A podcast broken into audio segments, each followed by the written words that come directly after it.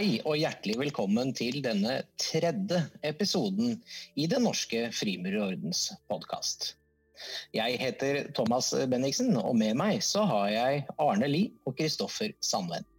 Og for ordens skyld, vi sitter fortsatt hver for oss, da covid-19 fortsatt er et faktum i Norge. Men Arne og Kristoffer, dere, dere har, kjent hverandre lenge. Dere ble kjent i Leoparden Eh, og Arnes far var embetsmann den kvelden Kristoffer ble tatt opp, er det riktig?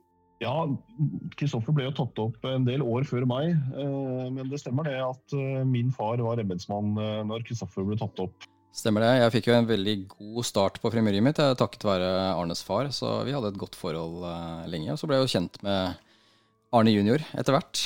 Og nå jobber vi jo tett sammen i informasjonsdirektoriet. Og så har vi faktisk hatt gleden av å være faddere nå ja, på julemøtet i Leoparden, faktisk. I, eh, i desember 2019. Eh,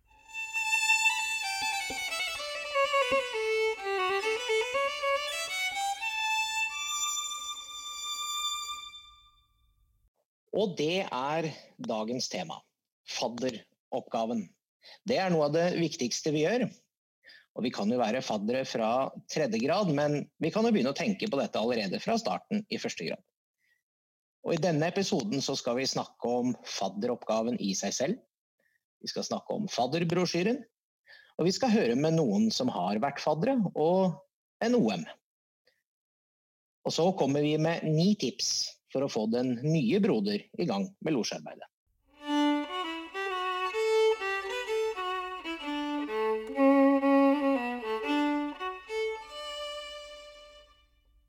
Thomas, vanligvis er det kanskje du som eh, er den som stiller spørsmål og andre som svarer, men la oss snu på problemstillingen. Du har eh, vært fadder for over ti brødre, har jeg hørt rykter om. Og da er vel kanskje første spørsmål til deg. Hva gjør du for å finne gode fremmedsøkende inn til din losje i nøkkelen? Ja, jeg tror det er et komplisert spørsmål å svare på, men kanskje noe av det viktigste jeg gjør, og det gjør flere av brødrene i Nøkkelen sammen med meg. Det er at vi er veldig åpne på at vi er frimurere. Og det gjelder jo da i alle sammenhenger. Hvis noen kommer opp til meg og sier ja, går det bra om dagen, er det, er det mye å gjøre? Ja, litt å gjøre på jobben, og så, så er det en god del i losjen. Da åpner jeg opp for at noen skal stille meg spørsmålet losjen, hva er det for noe? Eh, og så, så, blir det en samtale ut av det. Eh, I tillegg så har veldig mange av oss i embetsverket i Den gylne nøkkel gjort oss til en vane at vi, vi bruker sosiale medier. Eh, vi sjekker inn når vi er i losjen, enten vi er i Stamhuset eller vi er eh, i Drammen. Og Da sjekker vi inn på Facebook at vi er i losjen og skal på møte. Og Det genererer også en god del spørsmål fra mennesker som er nysgjerrige. Og Noen av de blir det noe ut av, og noen blir det ikke noe ut av. Det er vel den, den største på en måte rekrutteringsverktøyet, om du vil, som, eh, som jeg har i, i, mitt verktøyskap. Da spiller du jo opp til at andre skal ta initiativ eh, og, og oppsøke deg for å finne mer av det. Syns du det er eh, den beste måten å gå fram på? Det er jo alltid et alternativ å være pågående og, og spørre andre. Hva tenker du om det? Jo, jeg er det òg. Jeg vil ikke si jeg er pågående, men uh, i flere settinger så inviterer jeg til at jeg begynner å prate om frimureriet.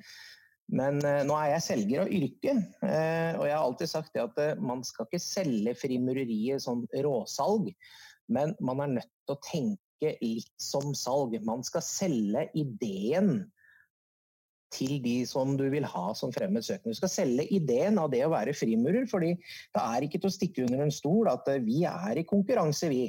Med fotballen, med innebandyen, med kanskje kor eller andre ting. Eh, vi er en fritidsaktivitet for de der ute. Og da må vi være litt på offensiven. Og derfor så tenker jeg at eh, jo, vi skal også være på og, og fremme det for å, å få inn flere brødre, men jeg tror det er viktig å trigge nysgjerrigheten hos folk. For det er de som tar initiativ, og da eier de prosessen. Ok, Så det er måten å skape oppmerksomhet på. Hvilke erfaringer har du gjort deg generelt rundt dette å være fadder?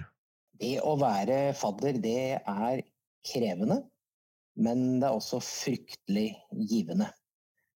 Eh, som du nevnte innledningsvis, så har jeg vært fadder for ganske mange, og det krever en god del. Men eh, det er en stor glede å sitte og se på de som jeg er faddere for, når de oppdager nye ting i frimureriet etter hvert som de går oppover i gradene og, og bobler over av entusiasme. Det er, det, ja, det er verdt all den jobben det er å følge de opp. Men jeg har også vært heldig, for de første jeg tok opp eh, og var fadder for, de har nå begynt å hjelpe meg med å følge opp de, de siste som har kommet til i broderkjeden. Hva legger du i oppfølging? Hva rent konkret praktisk gjør du rundt det? Nei, sånn Rent praktisk så er det jo hver gang noen skal få en ny grad, selvfølgelig, så skal du stille opp og, og, og være til stede og, og, være en god broder og svare på det du kan svare på. Men det stopper jo ikke der. Det er jo hele veien fra eh, denne broderen er tatt opp i første grad, og, hele veien så, så, skal du være der. Du skal følge opp, du skal spørre hvordan går det. Eh, hvis de da har vært litt borte fra møtene, spørre om det er noe du kan hjelpe til med eh, ja, rett og slett bare være til stede eh, og være proaktiv og aktiv i oppfølginga av de som man er faddere for. Hva er den største gleden du har når du er fadder? Nei, Det var det jeg sa i stad. Den boblende entusiasmen når eh, noen oppdager noe nytt i ritualene våre, eller eh, har fått en ny grad og, og er helt i hundre. Det, det er nok kanskje den største gleden. Men så er det jo de som kommer og er veldig takknemlige og sier at uh, dette tror jeg har vært den største gaven jeg har fått noen gang. Da, da blir man veldig ydmyk når noen sier det, og det, en, det ligger en stor glede bak det.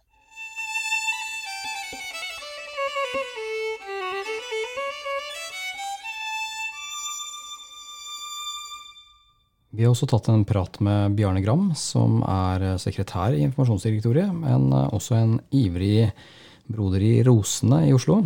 Og han har eh, vært fadder for eh, åtte brødre, og har noen eh, tanker rundt akkurat det. Det blir jo ofte sånn i den virkelige verden at ikke alt alltid er helt ideelt. Og vi er jo alle forskjellige, og så er det jo også med faddere og kan man si fadderbarn. Nå har jeg vært fadder flere ganger, og jeg har vært fadder for brødre som har trengt hjelp til å kle på seg. og jeg har vært fadder for brødre som ikke egentlig skjønte hva frimeriet var. Jeg har vært eh, fadder for brødre som eh, har vært seremonimester, hatt andre embeter. jeg har vært fadder for en broder som følger opp meg langt bedre enn jeg følger opp han. Jeg har vært fadder for brødre som har gått ut av ordenen. Og har vært fadder for brødre som nå har alt fra tredje til tiende grad.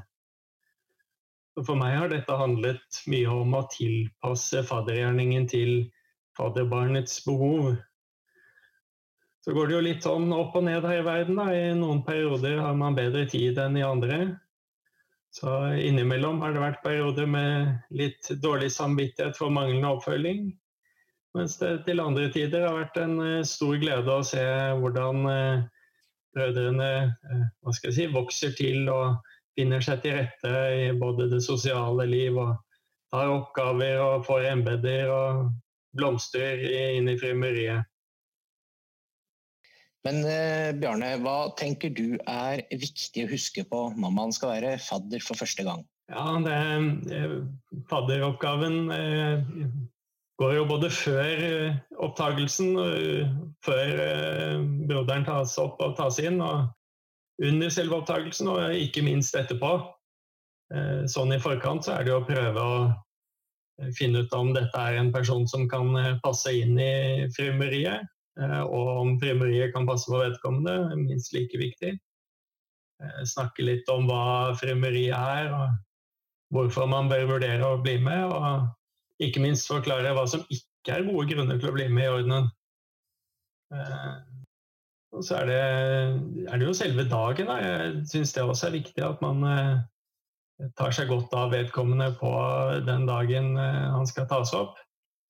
Eh, gi noen gode hint i forkant at det kan være lurt å ha en litt rolig dag på jobben. Kanskje spise en matbit før man drar i losjen. Flere ganger har jeg hentet han hjemme, kanskje hatt med en blomst til hans kone.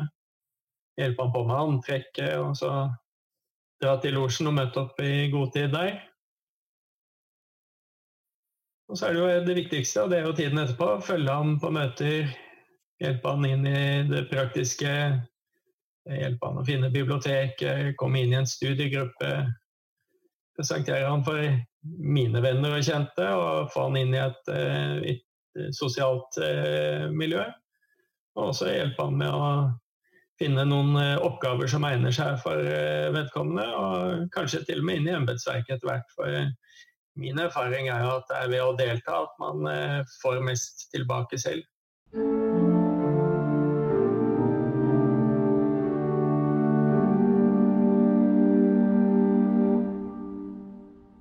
For å høre litt mer om eh, hvordan de arbeider med nettopp fadderoppgaven i St. Johanneslosjen Den gylne nøkkel i Drammen, så ringte vi til ordførermester Jan Ove Gudem.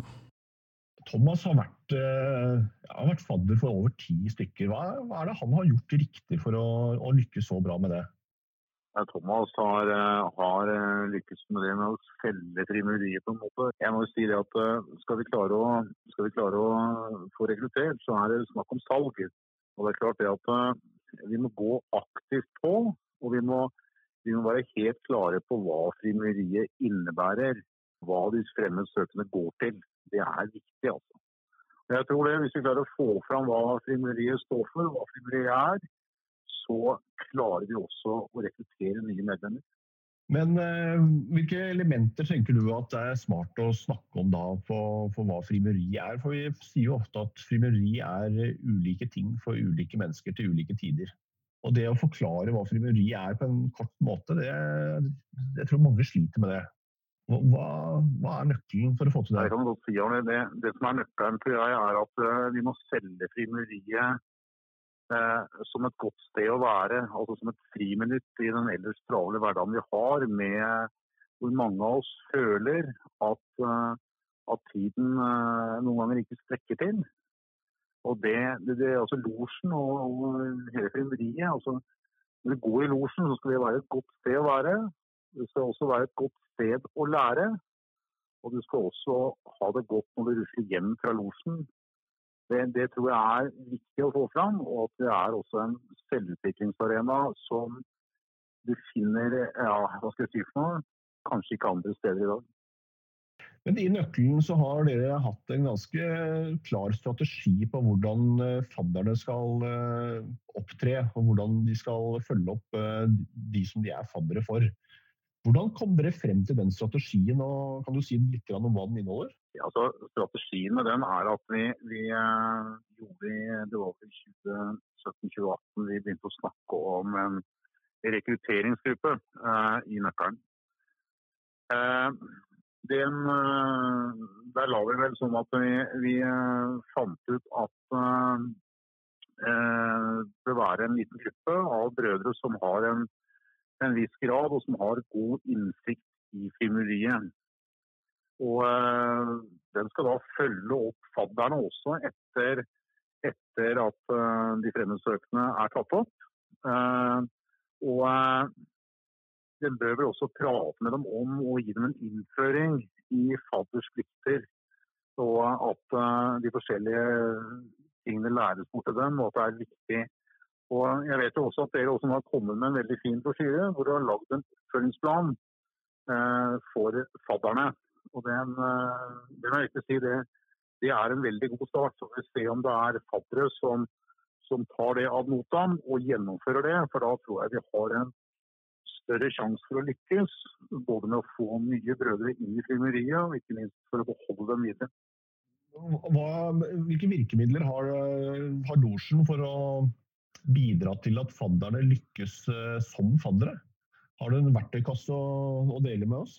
Ikke en, ikke en, direkte verktøykasse, men jeg tror det er veldig viktig for å beholde brødre at fadderne er veldig klare på hva frimeriet innebærer. Hva som blir sagt til, til eh, de fremmede før de, altså når de vil inn i ordenen. Det tror jeg er veldig viktig. For jeg har også opplevd det at faddere er blitt totalt borte. Eh, og jeg, sier, eh, jeg sier ikke det at det er og fulle ansvar, men fadderne har en stor og viktig oppgave. Og eh, det er ikke noe å være redd for å være fadder. Det, det, er, eh, det, er, en ære å få lov til å anmelde nye fremmede til ordenen. Hvordan opplever du at brødrene generelt håndterer fadderoppgaven?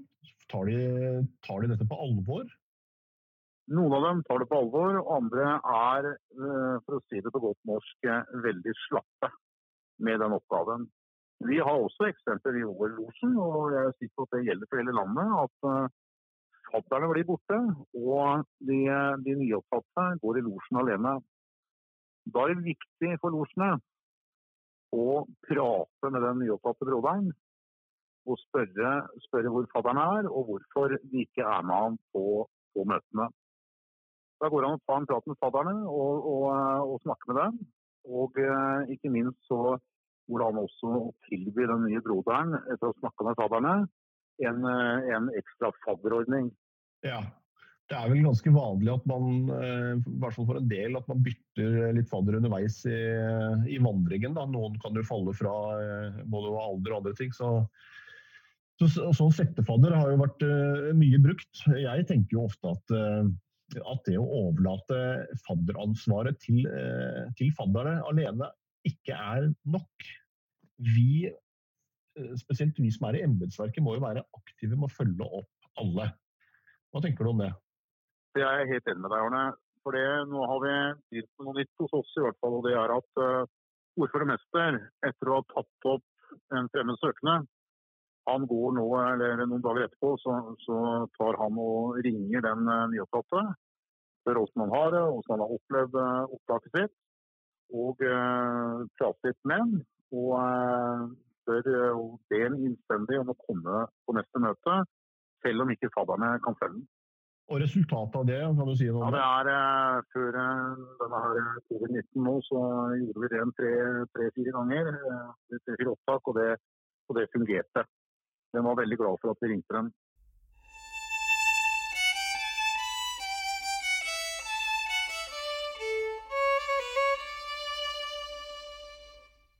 Og faddernes oppfølging av den nye lærlingebroder, det er avgjørende for hans frimureriske vandring.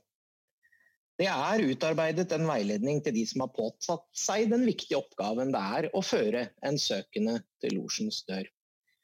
Og Arne og Kristoffer, hva inneholder denne fadderbrosjyren?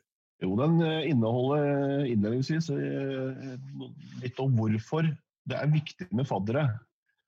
Og det er klart at Frimureriet er en liten kneik å komme over, og faddere skal være et bidrag til det. Så vi går litt inn på det.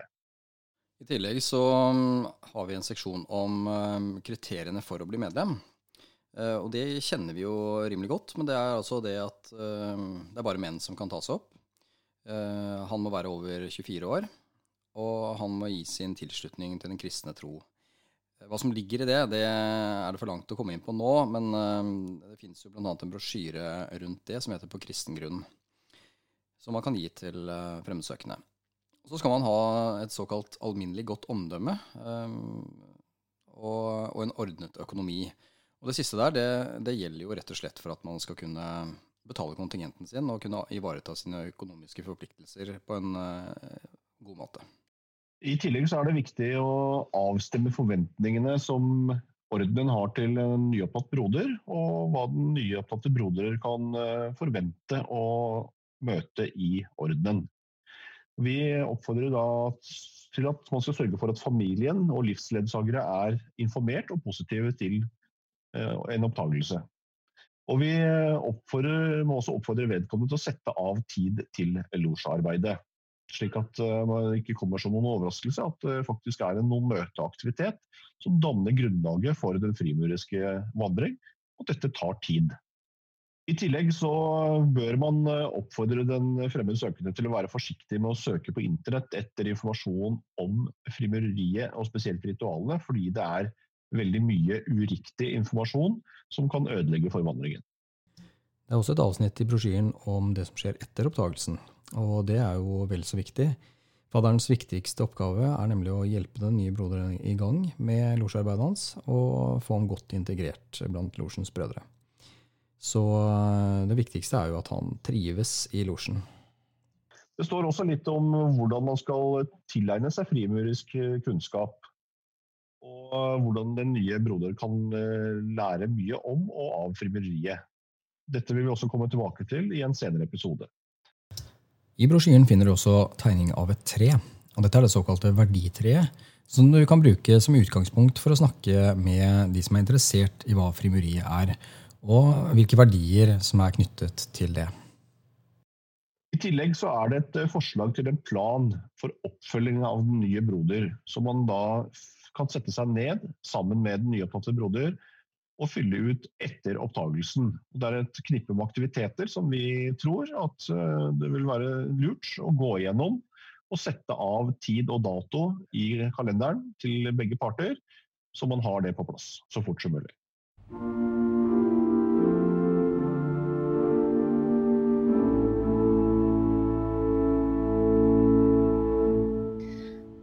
Og vi har eh, prøvd å sette sammen ni tips til å hjelpe den nyopptatte broderen i gang. Ja, jeg tenker at eh, noe av det viktigste vi kan gjøre helt innledningsvis, er faktisk å forklare de praktiske tingene. Hvor er inngangen? Hvor er garderoben? Hva skal man ha på seg? Og hvordan betaler jeg for taflet? Og når skal jeg ha galla, og når skal jeg ha sort dress? Og hva skal jeg gjøre med de der prydelsene? Og så videre. Alt det som for oss som har gått og tralta rundt dette her i noen år, er helt naturlig. Men hvis vi tenker tilbake, sånn var det ikke når vi hadde blitt tatt opp. Jeg tenker også at eh, så fort den nye broderen er tatt opp, eh, så bør man også sette seg ned og finne ut hvilke møter som man kan delta på sammen. Jeg husker når jeg ble tatt opp, det var veldig, veldig skummelt når jeg skulle gå inn i losjesalen første gangen. Eh, så det er godt for en ny broder å gå sammen med oss faddere inn i losjen første gangen. Jeg tror også det er smart å gå på besøk til noen andre losjer. Eh, enten om eh, man er i et sted hvor det er flere losjer som deler på et bygg, eller man drar til nærmeste losje i et annet sted. Det er ørlite grann forskjellig på hvordan de forskjellige losjene fungerer, og det kan være spennende å, å diskutere de forskjellene. Ja, og Det tenker jeg er veldig lurt, Arne. Og da passer det jo også etter hvert som man da begynner å se litt på de forskjellige losjene, hvordan de gjør ting osv. Og, så og rett og slett snakke med den nye broderen om det å ta på seg oppgaver, enten i det man kaller assistentkorps eller embetsverk, og få avstemt litt eh, tid og ønsker der. Sett deg gjerne ned sammen med den nye og planlegg de kommende møtene, eh, gjerne basert på planen som står bak i fadderbrosjyren. Det er en veldig fin måte å komme i gang på. En del eh, steder har jo også museer kjempemye spennende å se der. og Man kan jo bruke det som et utgangspunkt for å diskutere både historikk og hva som ligger foran, uten å gå på, i dybden på det. Men uh, fortell deg at uh, jo lenger du kommer, jo mer vil du lære om disse tingene. Ja, og så ikke minst når man har kommet i gang, så introduser den nye broderen for de andre brødrene, både yngre og eldre. Eh, nettopp for at han kan bli kjent med flere som han kan være sammen med og få noe sosialt med, hvis du ikke kan møte. Eh, skulle det også være sånn at du ikke har fått til det, så kan du også spørre seremonimesteren om hjelp. Eh, seremonimestere tar veldig ofte godt imot de nye brødrene og sørger for at de også blir kjent med de andre, så ingen blir stående alene. De fleste losjer har et bibliotek, og dit er det viktig å ta med seg den nye så raskt som mulig. Enkelte losjer gjennomfører at den nye får låne eh, noen instruksjonshefter allerede første kvelden.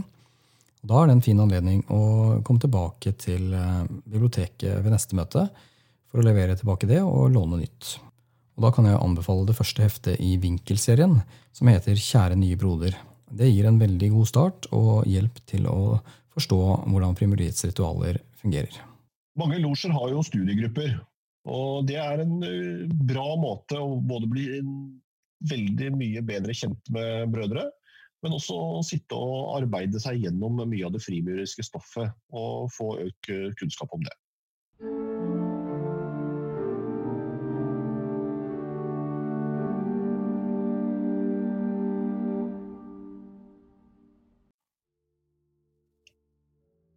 Og da, mine herrer, da nærmer vi oss uh, slutten på denne episoden.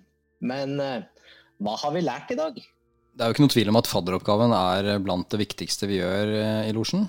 Både det å finne de som kan ha godt utbytte av frimuriet og glede seg over det, og ha nytte av det i, i livet sitt, og det å følge dem opp godt etterpå.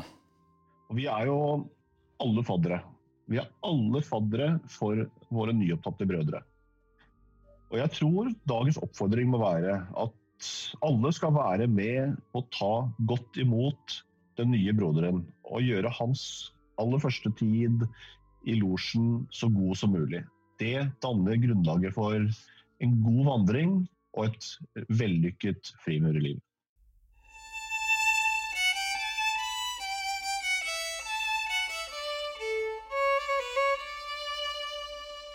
Og med det var den tredje episoden av Den norske frimurerordens podkast over.